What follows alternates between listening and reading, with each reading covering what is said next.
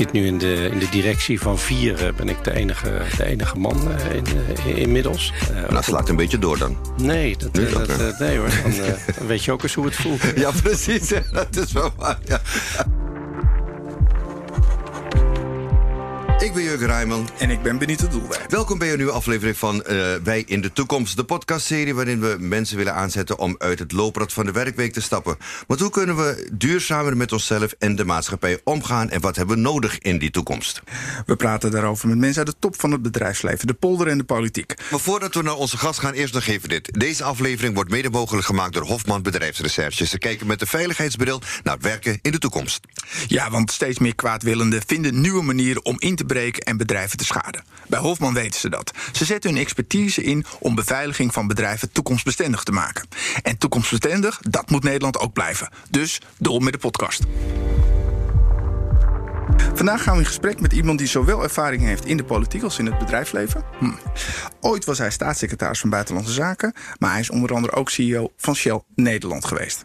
Nou, momenteel is hij CEO van de Schiphol Groep. Ehm, Jurgen, ehm, waarom hebben wij deze meneer met dit indrukwekkend cv uitgenodigd voor onze bescheiden Nou, Ik podcast? denk, het is heel eenvoudig. Eh, het is een internationale ervaring. Ik kan ons een kijk geven hoe andere culturen en landen met het werkontwikkeling in de toekomst omgaan.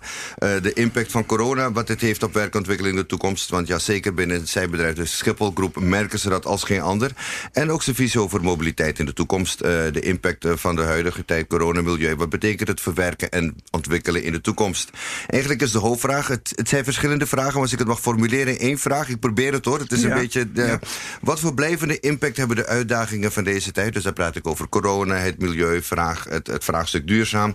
Op mobiliteit en werk en ontwikkelen in de toekomst. En hoe, bespre- hoe spelen we daar het beste op in? Het zijn veel vragen, maar ja, de nieuwe werkelijkheid. de nieuwe werkelijkheid. Of Precies, misschien ook niet. Ja, en het is wel lullig, want is het over het praten terwijl hij erbij zit. Ja, ja. We zitten in de studio, we zitten ja, nog steeds coronaproof, achter schermen en op veilige afstand. Eh, dus, eh, maar hij is hier. Ja. Dick, eh, Dick Benschop. Welkom Dick, Dank je. fijn dat je er bent. En ehm, Nou, na zo'n introductie. Het Ja, toch? we doen ons best. We doen ons best. Hoe gaat het met je? zijn natuurlijk hele intense, bijzondere maanden geweest. Het, het sleutelwoord voor mij is wel intens. Ja. Eh, Ja.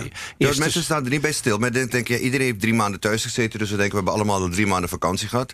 Eh, maar jij bent gewoon drie maanden keihard aan het werk geweest om de boel drijvende te houden. Ja, en eh, veel van thuis. Eh, Inmiddels ook wel weer van Schiphol natuurlijk. En ik ben eigenlijk vanaf het begin ook wel een klein beetje op Schiphol geweest. Want we zijn natuurlijk allebei. Hè, we zijn niet alleen kantoor. En kantoor ging naar huis. Maar we zijn ook de operatie. En Uiteraard. ondanks dat we helemaal naar beneden gingen... zijn we wel altijd open gebleven. En die eerste periode was natuurlijk zo spannend. Want dan weet je nog niet hoe diep is het. Hoe, hoe, hoe, hoe ver gaan we deze glijbaan af? Ja. Nou, die vraag is beantwoord. Heel diep, bijna, diep, ja. bijna nul. Hè. We hadden 3% over op een gegeven moment. Ongelooflijk. Onvoorstelbaar. En eh, de tweede vraag, en daar zitten we nog middenin... en daar weten we het antwoord ook niet op. Eh, wat, zijn nou, wat is nou precies de doorwerking? Eh, hoe lang gaat het duren? Op welke manier? is met grote zeker, onzekerheid omgeven. Ja. En dat is wel een van de dingen die ik geleerd heb... eh, ook, ook een leiding geven in een organisatie in zulke omstandigheden. Als je niet weet, moet je ook maar zeggen dat je het niet weet. En niet, gaan, niet gaan doen alsof. Ja. Eh, maar dan vervolgens weer, nou ja, wat vol- volgens mij nu leiding geven is voor mij in deze tijd, is verstandig omgaan met onzekerheid. Ja. Dat is eigenlijk wat we aan het doen zijn. Dat vind ik een mooie. Ja, nou, Dick, wij, we, we beginnen de podcast altijd eh, met, met twee vaste vragen. En eh, de eerste vraag, als ik die eh, mag stellen aan jou, is van, van werk, werkgerelateerd onderwerp lig je op dit moment het meest wakker? De, ik had eigenlijk, ik lig minder wakker dan in het begin. Ik lag echt wel wakker, want dan werd je bijvoorbeeld zes uur s ochtends eh, wakker. En dan begon je meteen te malen. En dan viel je niet meer in slaap. En ik heb wel zaterdagochtenden gehad. Zeker in het begin, als je alsnog aan het uitvinden bent. Wat, wat is er met het virus? Hoe eh, de besmettelijkheid, eh, de overdracht. eh, wat gaat er gebeuren? Maar ook de economische gevolgen. Dan zat ik, zat ik 's ochtends om, om acht uur de krant te lezen. Het FD, de Financial Times. En dan begon ik al... eh, te, te, schrijven, collega's te vragen. Heb, heb je dit gelezen? Hebben we hier rekening mee gehouden? Moeten we hier naar kijken? Dus dan ben je echt wel, echt wel bezig. Gewoon met het begrijpen van. Dat was eigenlijk het eerste. En, en hoe diep wordt het? En vervolgens is was eigenlijk de lastigste vraag de afgelopen maanden van... Je moet natuurlijk gaan, eh, gaan aanpassen, ook in onze eigen organisatie. Operationele uitgaven verminderen, investeringen. Maar je wilt wel de lange termijn in de gaten houden. En je prioriteiten over innovatie en over duurzaamheid wil je ook in de gaten houden. Wat ik de lange lijnen noem. Nou, hoe hard trap je op de rem? Uh, hoeveel ruimte heb je om ook voor die, voor die, voor die toekomstprioriteiten ruimte te houden? Uh, hoe krijg je iedereen daar ook in de eigen organisatie op één lijn uh, mee? En wat doe je nu? Wat doe je later? Want die onzekerheid betekent dat je met scenario's werkt. Nou, dan, dan, kies je er een waarvan je zegt: van, Nou, laten we daarvan uitgaan. Ja. Maar het kan, het kan beter, het kan minder zijn. Als, het, als het minder is, moet je harder ingrijpen. Als het beter is, dan heb je weer wat meer ruimte. Wanneer besluit je dat? Dus, uh, nou ja, terwijl eigenlijk alles opnieuw bekeken moet worden. Dus ja, het is eigenlijk, dat komt ook dan op mijn vraag. Want ik mag ook altijd een eerste vraag stellen. En uh, mijn vraag is: wat is het laatste wat je hebt geleerd? Je zit in een continu leerproces nu natuurlijk. Ja, en ik vind dat, dat is, het, is, het is geweldig. Want je, nou, ik, ik kneep, kneep mezelf echt wel eens in de arm. Dat ik dacht van, oh shit, uh, s'avonds laat, uh, gebeurt dit nou echt? Ja. En, en ben ik dan ook nog mee verantwoordelijk voor die organisatie? Dus dat houdt je, houdt je best bezig. Tegelijk, op een gegeven moment begin je ook weer de kansen of de mogelijkheden te zien. En dan zeg je, het is eigenlijk wel fascinerend om dit ook, uh, ook mee, mee te mogen maken. En wat we het zijn eigenlijk twee grote dingen waar ik mee bezig ben. Eén is, zoals iedereen denk ik, um, nou, daar gaan we, het, gaan we het ook over hebben denk ik. Wat betekent het nou voor hoe wij werken? En wat, wat leren we hiervan? Wat nemen we mee? En het tweede is van, uh, ja, de, de, je bent helemaal naar beneden en je gaat weer terugkomen. Maar dat gaat een tijdje duren. Hoe zorg je nou dat je beter terugkomt dan waar je was. Ja. Dat zijn allemaal dingen die we zo meteen gaan bespreken. Uh, je komt vanuit de politiek, je zit nu in de top van het bedrijfsleven. Ja, hoe is dat zo gelopen? Ik wat, wat, wat, toen, toen, toen Dick een, een, een jonge jongen was, wat, wat, wat was je aspiratie toen? Ja, ik geloof dat de, de allerjongste Dick... die wilde nog wel dominee worden ergens. Oh, kijk. Daarna, daarna kwam toch al snel. Uh, minister leek me wel leuk. Minister, daar ben je heel dichtbij geweest. En toen ben ik eigenlijk al heel snel ook... Uh, ik zat al op de, op de, op de, op de middelbare school... Uh, zat ik al in het schoolparlement en dat soort dingen. En, de, en op de universiteit ook steeds weer. Dus dat, dat heeft me altijd bezig gehouden. Maar nou ja, verder speelt toeval altijd een rol. Hè? Ja. En ik heb natuurlijk... Ben, ben in de politiek gewerkt. Toen ben ik mijn eigen bedrijf begonnen. Ben ik teruggevraagd als staatssecretaris. Ja. Eindigt in een grote kladderatsch met een verkiezing met een enorme nederlaag. Ja. Nou, dan, trek je ook je conclusies en je consequenties. Dus toen ben ik weer wat anders gaan doen in het bedrijfsleven terechtgekomen. Um, maar wat mij altijd bezighoudt, als mijn, mijn Elisabeth me aankijkt en zegt tegen me: Je gaat je vervelen dan is het, uh, dan is het code rood. Dan moet je echt iets anders dan gaan doen. Dan moet ik iets anders gaan doen. Dus ik ben, ik ben een enorme lerend persoon. Ja. Nieuwe ervaringen, nieuwe dingen doen. Dat, dat vind ik geweldig. En dat heb ik nou op een paar plekken mogen doen. En voor mij is Schiphol eigenlijk een beetje nu de plek waar ik al die ervaring, de publieke kant, de private kant, allemaal kwijt kan. Uh, dus ik kom allemaal bij elkaar eigenlijk. Ja, ik heb verder geen belangen uh, qua carrière of uh, wat dan ook. En dan alles wat je geleerd hebt, proberen toe te passen. Er is eigenlijk niks leukers dan dat. Ja. Dus je hebt geen bepaalde dat je vroeger fijner vond in de politiek... dan je het nu in het bedrijfsleven hebt? Nee, want als, ik denk dat ik het hebben van beide ervaringen geweldig vind. En volgens mij is in ieder geval je hele leven in de politiek... had mij zelf niet zo gezond uh, geleken. Ja. Um, en en, en ik, ik, dat, dat ik allebei heb mogen doen. En dan in het bedrijfsleven dus niet alleen de de kant van dat je dan uh, adviseur wordt of public affairs gaat doen. Nee, ik heb gewoon ben echt het bedrijf ingegaan, ook bij Shell en nu ook bij Schiphol. Ja, dat is geweldig.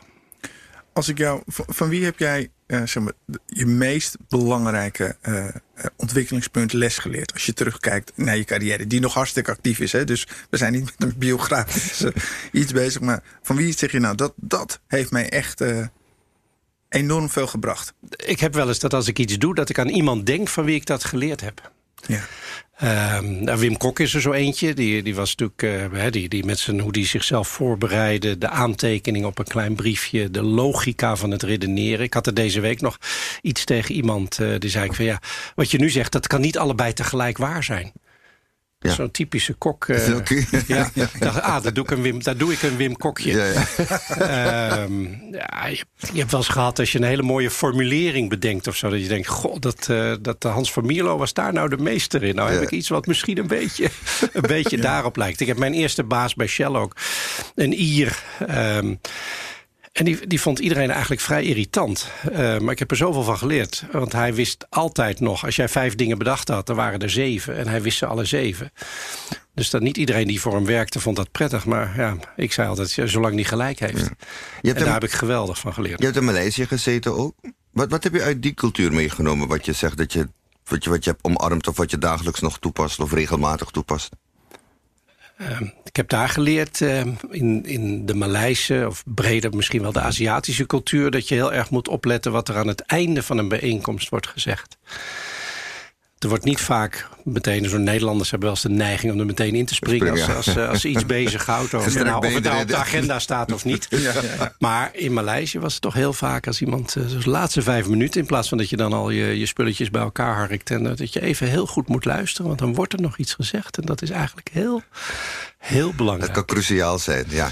Moet, kunnen Nederlandse ondernemers daar meer van leren? Hoe we met andere culturen moeten omgaan als we aan het ondernemen zijn of ons met ons bedrijf bezig zijn? In ieder geval de, de bewustwording daarvan. Hè? En ik denk dat heel veel dat, uh, dat eigenlijk best goed, uh, dat best goed kunnen. En het is niet dat het ver weg lastiger is. Volgens mij ook in mijn Shell-ervaringen, wat ik wel van anderen hoor... is soms nog de Brits-Nederlandse samenwerking lastiger. En dan hebben we het makkelijker weer met Amerikanen... en makkelijker in Azië dan bijvoorbeeld dan, dan tussen Nederland en, en Engeland. Dat is echt heel verschillend. Ja. En dat moet vertaald worden. Um, ja, bewust. Het, is mooi als je daarvan bewust uh, bent. En, en eigenlijk, ik, ik heb vrijwel niemand die, uh, die daar niet van geniet. Je hebt in een eerder interview heb je aangegeven dat uh, balans tussen werk en leven heel belangrijk is voor jou en voor je gezin.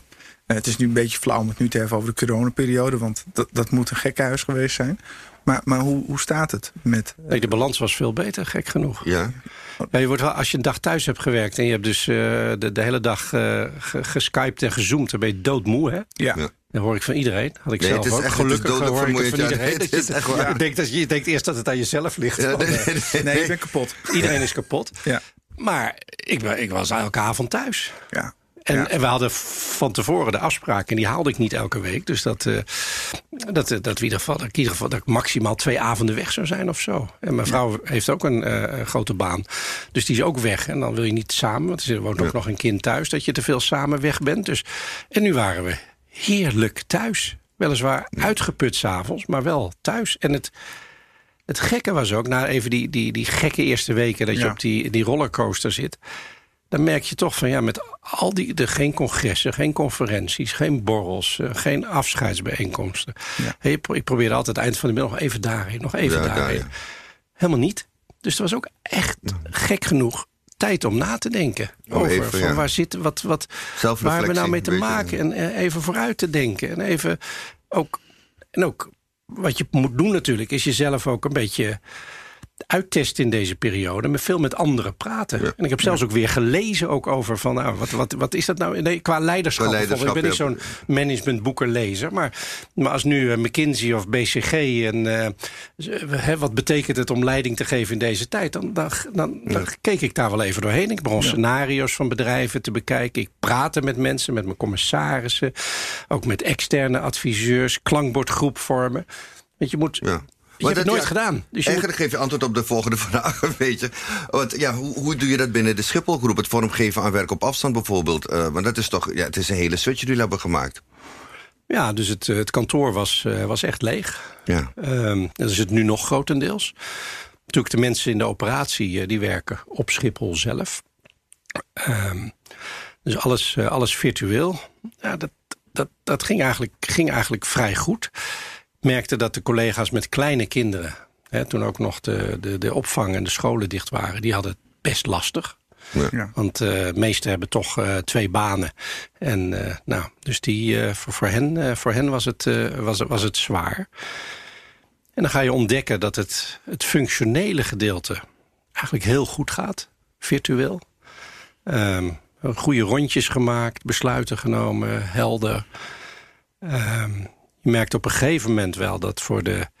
Kijk, als je een nieuw strategisch plan aan het maken bent... en zo dat je toch met een paar hoofdrolspelers... en het brainstormachtige en elkaar kunnen zien...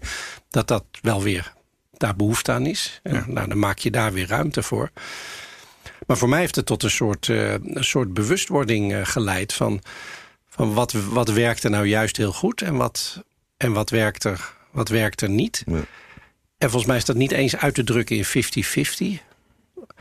Ik denk dat je, dat je naar een situatie toe gaat waarin je bijvoorbeeld zegt van of iedereen virtueel, Ja. of iedereen ter plekke. De combinatie die werkt wat minder. Hè, dus dat je vijf mensen in een kamer hebt en zes aan de telefoon. Dat, Dat- is altijd dat gaat- al ja, lastig. ja. En dat is niet, dat merk je nu ook, dat is niet de meest ideale vorm. Maar iedereen aan de computer, dat kunnen we kun- nee, dat kunnen we hebben geleerd. Ja. En iedereen ter plekke, dat, dat werkt ook nog. Maar dat je dan veel, nou ja, dat je daar slimmer in wordt en veel bewuster gaat beslissen. Wat is eigenlijk nodig voor wat ik doe? Ja. Dus dat je je bewust zijn over wat zijn we eigenlijk aan het doen. En dat je, als je nou even, de, de routine valt allemaal weg. Nou, een enorme disruptie. Ja, geeft een enorme natuurlijk- kans om na te denken over van, nou, hoe gaan we dat nou zo slim mogelijk doen. En als je dan nadenkt voor, voor dit type activiteit kunnen we gewoon lekker virtueel. Voor dit type activiteit brainstormen en andere dingen bij elkaar. En soms ook afwisselen. Hè, want eh, Maar- ook, ook maar- internationale reizen natuurlijk. Want eh, ja, waarom? Ene keer, nou laten we virtueel vergaderen. Volgende keer weer bij Ja, maar over die internationale lijst, maar dan komen we dus op het, geval, op het gebied van Schiphol. Eh, je ziet dat heel wat grote bedrijven hebben nu ook de beslissing genomen. Zeggen, ja, we zien dat het ook makkelijker kan. We hoeven niet zoveel, we hoeven niet 27 keer eh, de wereld rond te reizen met z'n allen. Eh, hoe, hoe bereiden jullie daarop voor? dit doen? Want dat gaat ook veranderen. Ik bedoel, je gaat veel minder zakenverkeer krijgen, waarschijnlijk vliegverkeer. Wanneer denk je dat het normaliseert? Of gaat het ooit normaliseren? Ja, of is het iets tijdelijks dat we even onder de indruk zijn van wat er allemaal gebeurt en dat we straks weer vervallen in het oude gedrag?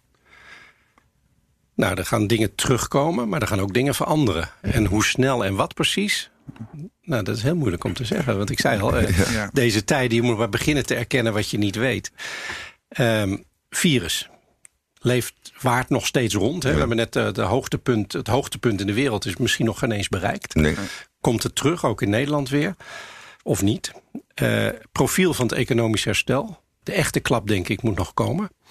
Eh, en hoe ziet dat herstel eruit?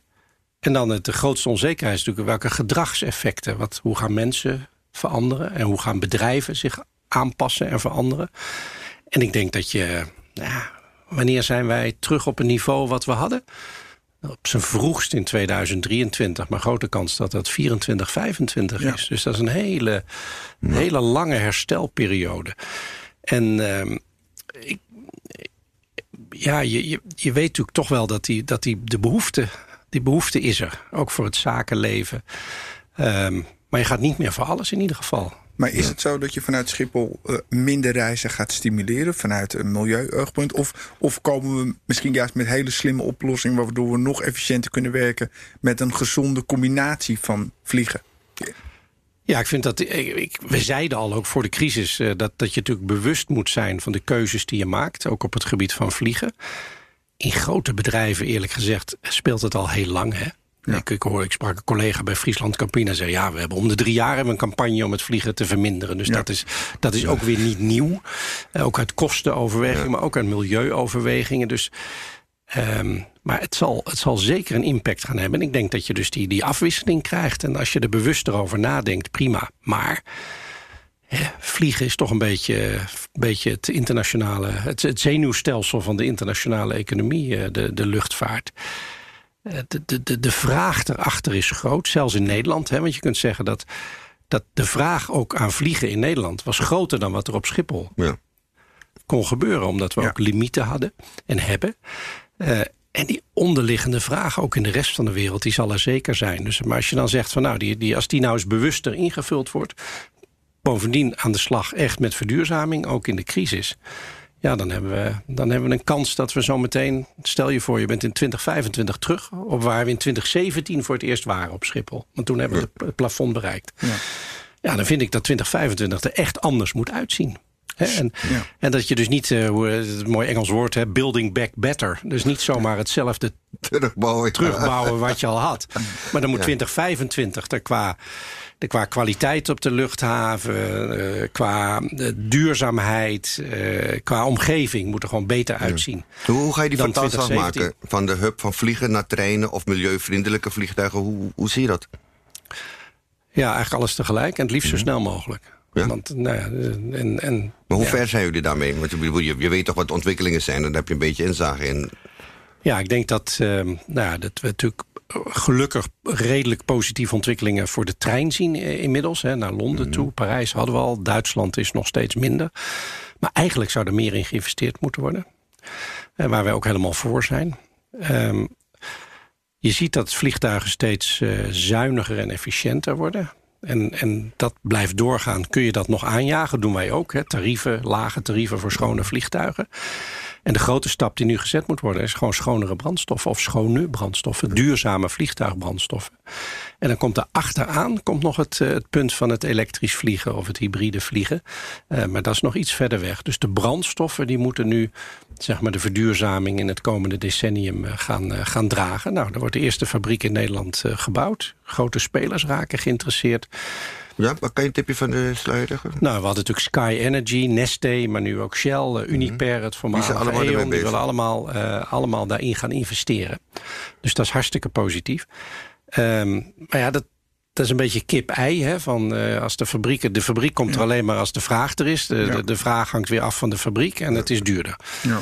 Nou, dus ik denk dat daar echt regelgeving, zeg maar een mandaat, net zoals je dat voor, de, voor het wegverkeer hebt, ook voor het luchtverkeer, zoveel procent bijmenging van duurzame brandstoffen en dat vergroten.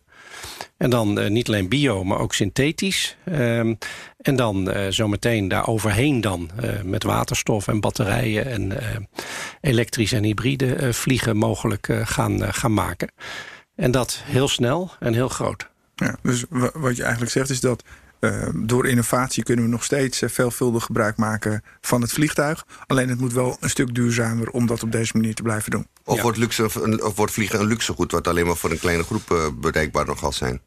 Nee, dat hoeft niet. Want we, als je bijvoorbeeld kijkt hè, van... nou, dat is misschien wat technisch, maar een CO2-prijs van van 100 euro voor een ton CO2. Als je, als je die zou zeggen, die gaan we betalen. Dat ja. is ongeveer de prijs in 2030 die nodig is voor de wereld... om richting de 2 en de 1,5 graad te komen.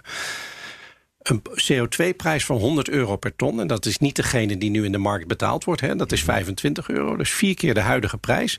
Kost je op een, op een ticket van 1000 euro... zeg van Amsterdam naar New York 30 euro.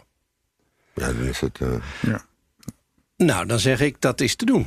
Dat betekent niet dat vliegen weer elitair hoeft te worden. Um, maar het geeft ook aan dat, dat op het moment dat je dus met die beprijzing... en zo'n zo'n mandaat voor bijmenging van brandstoffen... dat voegt ook kosten toe. Dus of je het nou in de prijs stopt het komt, of in de brandstof... het komt altijd daar weer in terug. Ja, dat, dat moet mogelijk zijn. Maar dan moet het wel alles bij elkaar komen. Dus de technologieontwikkeling, de regelgeving, de investeringen... En nu komt dat niet helemaal bij elkaar nog. En dat vind ik wel heel frustrerend. Ja. Hoe ga je dat binnen Schiphol vormgeven, al die, die veranderingen die er komen? En ja, vooral ook dat Schiphol zijn positie behoudt. Het is een van de belangrijkste bedrijven in Nederland, ook qua werkgever. Hoe, hoe hou je dat in stand nu?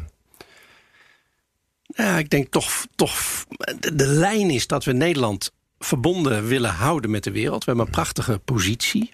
We zijn een we zijn ontzettend goed verbonden. Maar de wereld verandert. Hè? Dus je moet dan weer meer met India, Afrika zometeen. Ook meer Latijns-Amerika. En eh, dus het netwerk, dat is waar we het om doen.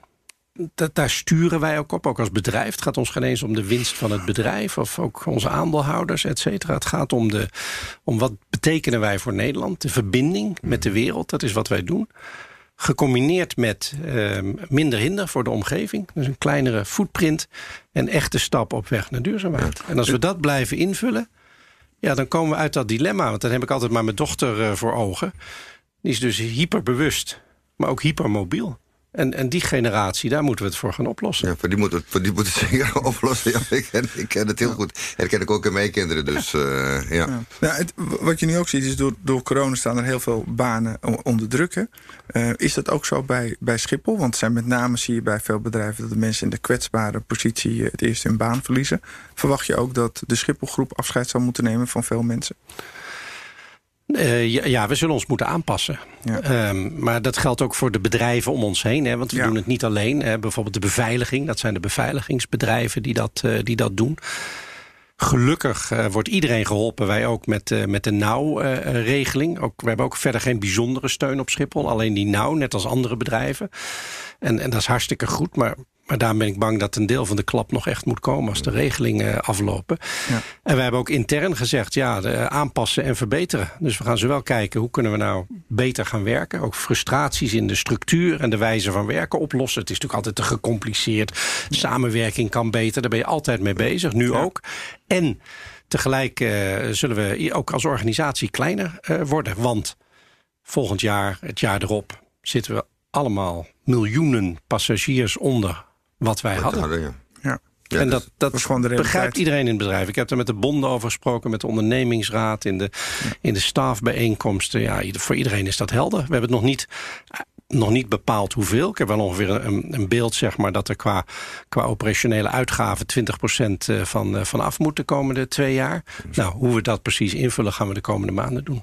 Maar krijg je dat voor. Sorry, hoe krijg je het even? Wat ik even. Wat, ja, ik, ik hoorde vandaag de KLM, de bonden van de KLM bijvoorbeeld. Ja, die, staan, die, die zitten dwars. Want die zeggen, ja, de overheid gaat niet bepalen wat er moet gebeuren. Dat moeten de bonden bepalen als we kijken naar uh, minder werknemers. Hoe, hoe, hoe krijg je het wel voor elkaar om, om de bonden zo snel mee te krijgen? Nou, het eerste gesprek. Begrip voor de situatie. Dat er iets moet gebeuren, dat heeft iedereen. En in zo'n bedrijf als het onze... Hè, we, zijn, we hebben een, een, enorme, als je medewerkersonderzoek doet... enorme bevlogenheid en betrokkenheid. En iedereen begrijpt ja, als je nu 20% van de business Ja, maar dat heeft KLM toch ook? Dat begrijpen de mensen die voor KLM werken. Jawel, maar daar is natuurlijk iets anders gebeurd. Daar is de overheid natuurlijk via de hulpjes voorwaarden gaan stellen.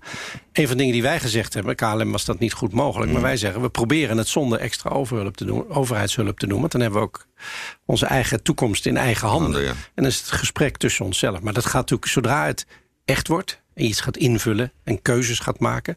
wordt dat natuurlijk nog hartstikke, nog hartstikke lastig. Maar dat leer je ook wel weer in deze tijd van, uh, van crisis. Zeg maar transparantie, uh, communicatie, uh, mensen meenemen. Is wel alles. Een van de dingen die we geleerd hebben, en die ga ik zeker vasthouden, is de, wat wij een all-staff bijeenkomst noemen, als je alles bij elkaar hebt. Nou, wij hebben zelf 3000 mensen in dienst in de eigen organisatie. Op een nieuwjaarsreceptie zijn er 700, 800. Dat is het maximum wat. Ja. En nu de eerste All-Staff bijeenkomst waren er 2900 mensen die aan de, aan de laptop zaten. Ja. Ja, Opeens toch, ben je met allemaal. Wel, ja. Nou kun je niet uh, letterlijk met elkaar praten, maar met de chat en, uh, en de inleidingen en de collega's die aan het woord zijn. Heel interessant. Dan denk ik dat op sommige manier, op een bepaalde manier zijn we nu door die virtuele verbinding sterker met elkaar verbonden dan we misschien anders geweest waren. Ja. Kijk je dan ook naar, uh, ja, net met Benito gaat over privébalans, uh, werk-privébalans.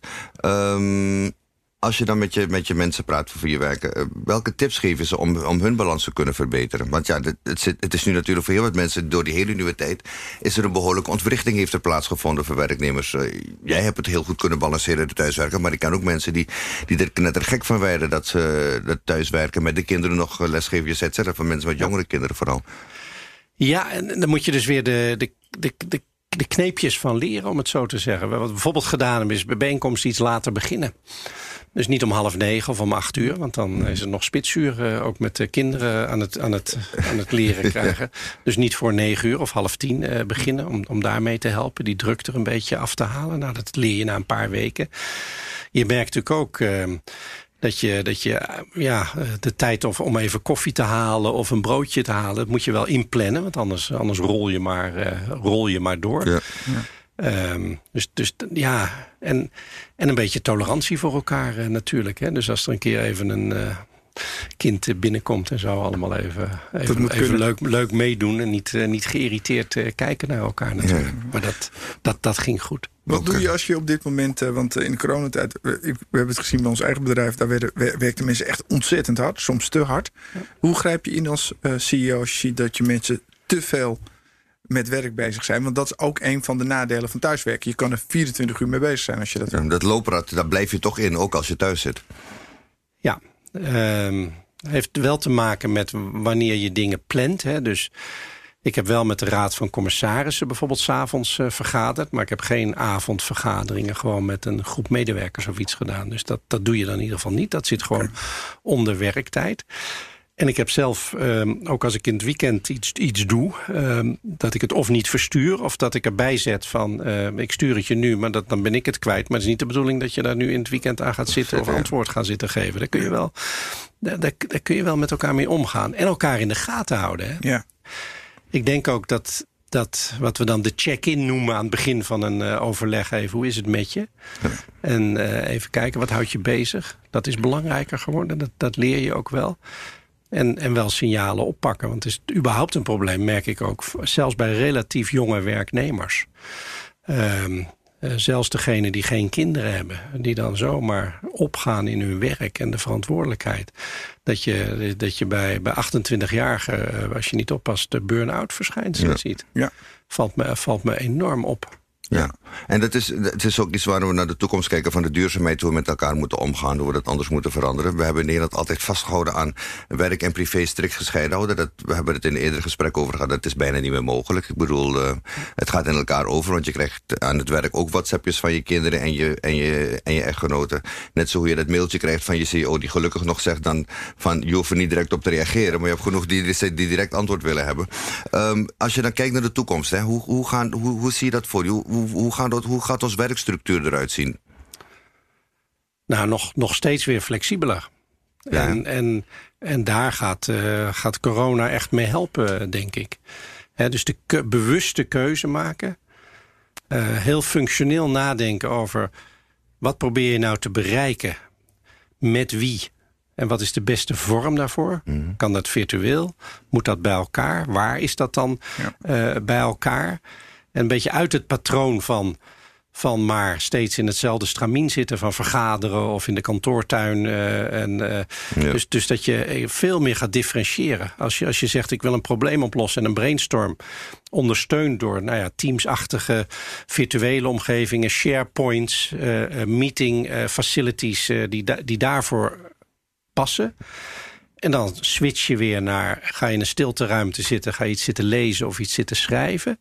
En dan ga je, uh, heb je ook nog een vergadering. Maar dus niet altijd maar alles hetzelfde. Niet alles maar in een patroon van vergaderingen... of in een patroon van achter je, achter je laptop uh, zitten. Ik denk dat dat de kans is. Plus de werktijden aanpassen dan. Dus niet allemaal meer op dezelfde tijd. Ja. Uh, daar rekening mee houden.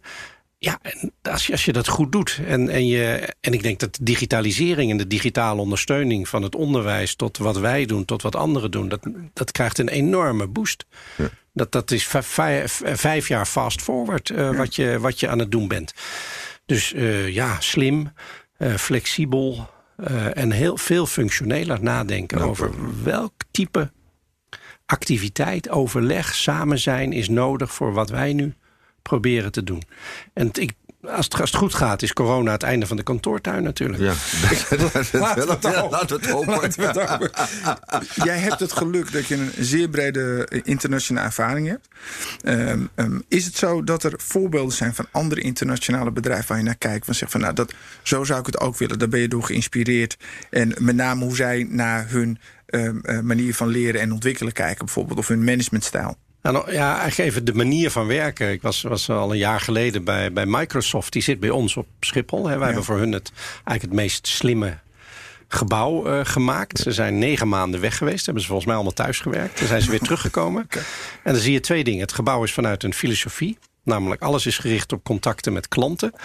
En vervolgens is helemaal een functionele indeling gemaakt. Iedereen heeft natuurlijk zijn perfecte Microsoft Teams ondersteuning daar. Ja. Maar je hebt een vergaderkamer, je hebt plekken waar je kan bellen... waar je met z'n tweeën kan zitten, waar je met z'n vieren kan zitten. En dan hebben ze een prachtige bibliotheek stilteruimte gemaakt... met een sluis waar mensen kunnen zitten lezen en zitten schrijven... zonder dat er iemand iets zegt en waar het ook werkelijk stil is. Dus een compleet gefunctionaliseerde inrichting voor het type activiteit uh, wat je doet. Daar was ik echt uh, onder de indruk. Daar was ik zwaar, van, uh, zwaar van onder de indruk. Ja, ik ken het gewoon, het is een prachtig gebouw. Zeker qua indeling. Toen ik voor de eerste keer binnenkwam, dacht ik, dit heeft helemaal geen gevoel van een kantoor. Je hebt zoiets alsof je een soort tweede huis binnenkomt. als je daar binnenkomt. Het is, dat is, wordt dat ook de gedachte voor de toekomst? Ja, we zijn natuurlijk met Schiphol zelf ook bezig met wat we noemen brick, bytes en behavior. Dus ja. de stenen, het gebouw, hoe richt je dat in? Nou, die hele verschillende type ruimte is niet meer hetzelfde voor iedereen. Natuurlijk de bytes, hè, de, de, de virtuele, de digitale ondersteuning. Uh, en dan nog het, ja, de behavior van hoe maak je daar gebruik van? Hoe, hoe, hoe werk je optimaal samen? En als, als dus dit, dit halve jaar uh, tot, uh, tot die bewustwording en, en tot die verslimming leidt. Ja, dat probeer je echt wel, echt wel op te pakken. Ja. Diversiteit is ook op to een topic in de discussie die tijdens weer opleidt. Ze gaf in een interview aan dat diversiteit nog niet op het niveau is binnen de Schiphol-groep. dat je, wat je graag zou zien. ja. wat, wat, wat moet er nog veranderen volgens jou? Nou, wel het een en ander. Ehm, hè, we hebben vormen van diversiteit, daar gaat het echt goed. Een man-vrouw verhouding. Ik zit nu in de, in de directie van vier, ben ik de enige, de enige man in, in, inmiddels. Uh, nou, slaat een beetje door dan. Nee, dat, nee, dat, nee hoor. Dan, dan, weet je ook eens hoe het voelt. Ja, precies. dat is wel waar. Ja. En op het niveau van directeuren gaat dat ook prima. Maar we zijn natuurlijk qua qua culturele diversiteit zijn, we, zijn we er absoluut niet. En zeker niet op de leidinggevende niveaus. Waarom is het heeft met mij met Black Lives Matter nog wel een hardere kant gekregen. Want ik heb er natuurlijk ook over geschreven. In, in, ik schrijf elke twee weken een blog ook geschreven over nou ja, wat, hè, dat er dus bekend is dat er racisme is op de arbeidsmarkt, ongelijkheid in organisaties, discriminatie. En daar heb ik behoorlijk wat reacties op gehad. Allemaal positief? Nee, was gemengd. Er schreef ook wel iemand die zei: ja, maar waar haal je dat nou vandaan en hoe kan dat en hoe durf je dat te beweren? Ook mensen die schreven, fijn, mag ik bij je langskomen? Nou, ja. is er langs geweest. Nou, verhalen die je dan hoort over wat er toch rondgaat. Ja. Vervolgens we hebben natuurlijk die medewerkersonderzoeken en tevredenheidsonderzoeken. Daar hebben we sinds de laatste keer ook een expliciete vraag over discriminatie in zitten. Ja, dan zijn er toch. Uh, het is nooit nul. Ja. Het is altijd hoger en op sommige plekken zelfs behoorlijk. Dus daar ga ik nu achteraan. Dat commitment heb ik afgegeven. Daar gesprek aan voeren van wat, wat speelt daar? En uh, waar, waar kom je dan uit? En, uh, en dan merk je toch, vind ik, dat, uh, dat de hele nou, Black Lives Matter, alle aandacht, alle publiciteit eh, die heeft het, ik denk het vraagstuk nu in elk bedrijf, elke organisatie echt op tafel. Ja. Merk je dat ook als je met andere CEO's praat? Dat het echt... ik heb, het is een van de dingen, hè, als je zegt van waar, waar neem je nu tijd voor, is bijvoorbeeld met andere CEO's praten. Er zijn, en er zijn weer bedrijven zoals Deloitte of zo, die organiseren dat dan. En de laatste sessie, afgelopen vrijdagmiddag toevallig. En dan mag je allemaal een vraag op tafel leggen. En dan wordt er over al die vragen met elkaar gesproken... en vragen overgesteld en advies gegeven. En dan gingen er, eh, de, de helft ging over, uh, over Black Lives Matter. Hoe ga ik daarmee om in mijn bedrijf? Wat ga ik doen? Niet alleen intern, maar moet ik ook publieke statements maken of niet? Dat soort. Uh, dus daar wordt echt over, echt over gesproken. En ik, ik heb de indruk dat, uh, dat er. Dat ik, volgens mij is dit een heel betekenisvol moment. Ik denk dat, dat degenen die, die het racisme uh, en de discriminatie ondergaan, dat die het gevoel hebben van ja, als, ik, als, ik, als, als we nu niet het op tafel leggen, dan gebeurt het nooit. En omgekeerd van ja, hier moet je iets mee. Je kan, dit is niet af te doen meer met van geintje, uh, moet kunnen. Uh, het, is een lange weg, maar we zijn op de goede weg. Ja, klopt allemaal. Ook qua personeelssamenstelling en dat duurt best wel even. Ja. Maar er is, er is natuurlijk op veel plekken toch net iets meer aan de hand. Waarvan je denkt van ja, dat moeten we nu oppakken. Ja. Praat jullie ook uh, met CEO's onderling als je zo meet? Praat jullie er ook over bijvoorbeeld een leven lang leren? Hoe je dat in de organisatie uh, aanpakt. Ja, en uh, maar niet, niet, toevallig de laatste, maar ik heb wel weer een keer, maar ook weer met een ander bedrijf die dan daar weer uh, bijeenkomsten organiseert. En daar een keer in de voorbereiding daarvan, daar had toevallig bij ons de HR-directeur, die had eigenlijk een prachtig idee. Die zegt. We hebben, we hebben trainees, hè, management trainees. Dat zijn natuurlijk allemaal jongeren die binnenkomen. Elk jaar een stuk of twintig. Geweldig. En die gaan opdrachten doen en overal kijken. Het is een groot feest. En die zei, zullen we nou eens een, eh, een traineeship voor, uh, voor 50 plus invoeren? Dat je dan op dat moment nog eens even rond gaat kijken met, met wat je, naar wat je interesseert. Uh, beseffen wat je eigenlijk kunt en geleerd hebben. Zijn er dan andere plekken? Even binnen je eigen bedrijf maar om te beginnen. Dus, dus niet om mensen naar buiten te brengen. Maar gewoon, uh, kun je dan nog iets anders? En kun je nog van koers veranderen en iets nieuws gaan doen? En waar ligt je interesse? Dus daar zijn we nu naar aan het kijken of we een uh, soort uh, traineeship uh, op, een, op een veel later moment in je carrière nog een keer gaan doen. Ik, als je um, kijkt waar, waar Nederland nu staat ten opzichte van het buitenland, als het gaat over werken en ontwikkelen. We zijn parttime land nummer één. Is dat een goede zaak? Lopen we hiermee voorop of, of, of juist niet? Ja en nee. Ja, als het gaat om eh, de, de work-life balance, kwaliteit van leven. En als je natuurlijk zegt, ja, ik vind toch geld verdienen is altijd weer een middel tot. Carrière maken zelfs is een middel tot. Ja. Uh, uiteindelijk gaat het om kwaliteit, kwaliteit van leven. Ja, dan, dan is het natuurlijk hartstikke belangrijk. En, en, we hebben hier een hoge kwaliteit van leven, ook daarom. Realiseren we ons dat nog wel? Dat we zo'n hoge kwaliteit van leven? Dat vraag ik me soms wel eens af. Uh, ja, uh, hangt een beetje vanaf. Ja, maar hoe, ver, hoe ver je kijkt of wat je tegenkomt. Uh, maar je, je hebt natuurlijk altijd. Nou, ja, ja ook, ook daar weer ja, nee. Maar nee zit bijvoorbeeld. Als natuurlijk Amerikaanse vrouwen naar Nederlandse vrouwen kijken... waarom zit er te weinig aan de top? Dan zeggen ze, ja, jullie deeltijdcultuur, dat nekt vrouwen. Nou, dat zou eigenlijk niet moeten, maar is misschien toch voor een deel wel het geval. Dus daar werkt het dan weer niet altijd goed. Betekent niet dat dat niet moet, maar moet je wel rekening uh, mee, uh, mee, mee, houden. Dus nee, die, ja, ik denk als je, als je maar vanuit die kwaliteit blijft redeneren... dat leven lang leren weet ik niet of we daar nou het beste in zijn. Ik denk het niet eigenlijk. Ik denk dan toch dat we... wat, wat, wat zouden we moeten verbeteren? Ja, ik ben altijd zo'n vergelijker. Hè, van, mm heb ik altijd van, of de benchmarking van ga op zoek naar het tussen ja. bedrijven, maar ook tussen landen. Ja, volgens mij is Singapore daar. Hè, die, hebt, die hebt een budget. En dat, uh, dat kun je blijven besteden. Nou, we hadden hier laatst Als, om, om, om je te blijven ontwikkelen. En ja, dat vind ik wel heel interessant. Uh, er zijn ook wel gedachten geweest, ook in het kader van de ongelijkheidsbestrijding natuurlijk. Is om iedereen op zijn achttiende een budget... Uh, Gewoon een, een, leerbudget te een geven. Een leerbudget ja. mee te geven. En, en je moet ook niet op je achttiende beginnen, maar dat is dan voor de rest van je leven. Dus ja, het begint natuurlijk al, uh, al voor school. En, uh, en kindergarten, en kinderopvang, ja. daar begint... Uh, en, en, en de preschool, daar begint... Daar begint de ongelijkheid al eigenlijk. Daar begint de ongelijkheid, de kansenongelijkheid. de blootstelling aan taal, aan anderen, ervaren, ontwikkelen. Ja. Dus, maar ook, ook verder doorzetten. Dus ik, ik denk heel erg dat je... Ja, ik denk, ik denk wel dat we het erover hebben. En dat je binnen, als je in een goed bedrijf zit... dat je dan echt mogelijkheden hebt en erover nagedacht wordt. Ja. Maar het kan breder. Ja. Nou, je ziet nu al de trend in Nederland. Er poppen steeds meer particuliere scholen. Poppen de grond uit, ook voor jonge mensen. En heel veel ouders kiezen daarvoor. Uh, maar de tarieven die daarbij gepaard zijn... die zijn alleen voor een selecte groep ouders mogelijk. En dat is aan de ene kant natuurlijk heel mooi... als je dat voor je kind kan zorgen. Maar aan de andere kant is het natuurlijk ook scheef. Want we zouden allemaal toegang moeten hebben tot uh, ja, absoluut. uitmuntend onderwijs. En dat is natuurlijk, natuurlijk iets iets, als je zegt van... Uh, hè, we, hebben natuurlijk, een, natuurlijk wel een paar grote problemen. Hè? Duurzaamheid, hebben we het al ja, over gehad. Ja, ja. Uh, nou, is te veel flexibilisering van de arbeid geweest. Dus het is te weinig zekerheid. Nou zie ik het probleem met, uh, met de pensioenen. Ja. Ja, en de ongelijkheid is, uh, is samenhangend daarmee te groot aan het worden. Ja. Dus dan moet je, en ik, ik denk dat de beste investering die je daaraan kan doen, is inderdaad van, uh, van, uh, van, van 0 tot 18 en vervolgens een budget meegeven aan, aan, aan iedereen daarna. Hoor Want in deze, wat we leven echt, en dat blijft altijd, je, je kunt die grenzen niet meer op die manier dicht doen, in een hyperconcurrerende wereld. Ja. Alles concurreert met elkaar. Landen, bedrijven, burgers. Eigenlijk waren bedrijven het eerste die dat ervoeren. Landen inmiddels ook. Je kan ook niet alles meer zomaar. Ja.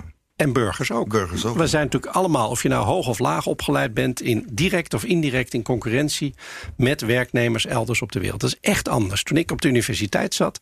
dan zaten degenen die op de arbeidsmarkt tegenkwam... die zaten bij jou op de universiteit of nog op twee andere universiteiten. En dat was it. En nu zitten ze in India, in China. Ze gaan overal de wereld over. Je komt ze overal tegen. Elk, elke VWO-student van 18 jaar heeft al een cv van heb ik jou daar tegenwoordig. ik, ik kende het woord cv nog niet uh, tot ik afgestudeerd uh, uh, was. Het is echt een andere wereld met allerlei mogelijkheden. Ze gaan overal heen, ze kunnen overal heen. Ze gaan naar het buitenland, deed ik ook niet. Zat er, was buiten mijn wereldbeeld als student. Maar ze concurreren. Ja. En uiteindelijk gaat jouw bedrijf en jouw overheid... die kan helpen en zekerheid bieden en, en basis leggen... Maar de echte weerbaarheid, en die heb je nodig in deze wereld... die komt van jezelf. En die komt door je kwalificatie, door wat je leert... en door hoe je blijft leren, de rugzak... en hoe je die vol blijft stoppen... en hoe je die zelf met je meedraagt. Paspoort als educatie voor de toekomst. Ja, je, ja. Of educatie als paspoort. paspoort Educa ja, de educatie als paspoort, als rugzak, als... He, want je moet dus in zo'n hyperconcurrerende wereld... moet je, moet je weerbaar zijn. Ja. En, en daar komt het vandaan. En dan ben je dus... En dat betekent niet dat, dat, dat bedrijven niet voor mensen moeten zorgen. Dat betekent niet dat de overheid geen voorzieningen moet hebben. Maar uiteindelijk, ook, ook als je... Ja, want je wilt ook niet alleen maar... Ja, hoe moet ik het zeggen? Je, je, wilt, je wilt het ook zelf in de hand hebben. Ja. Het moet je niet allemaal maar gebeuren. Dat helpt ook niet. Ja. Self-control. Ik vind het een mooie. Ja, ik, ik, ik heb één vraag die ik nog echt heel... Want als ik, Dick, als ik jou zo hoor praten... zien we jou ooit terug in de politiek? Ga je ons verrassen als uh, buurtvrijwilliger? Oké, okay, dat gaan we zeker meenemen. Dick Benschop voor president? Ja. Ik zie het zo gebeuren. Ik zie het zo het gebeuren. Staat een kwartier. uh, dankjewel, Dick. Fijn dat je bij ons was.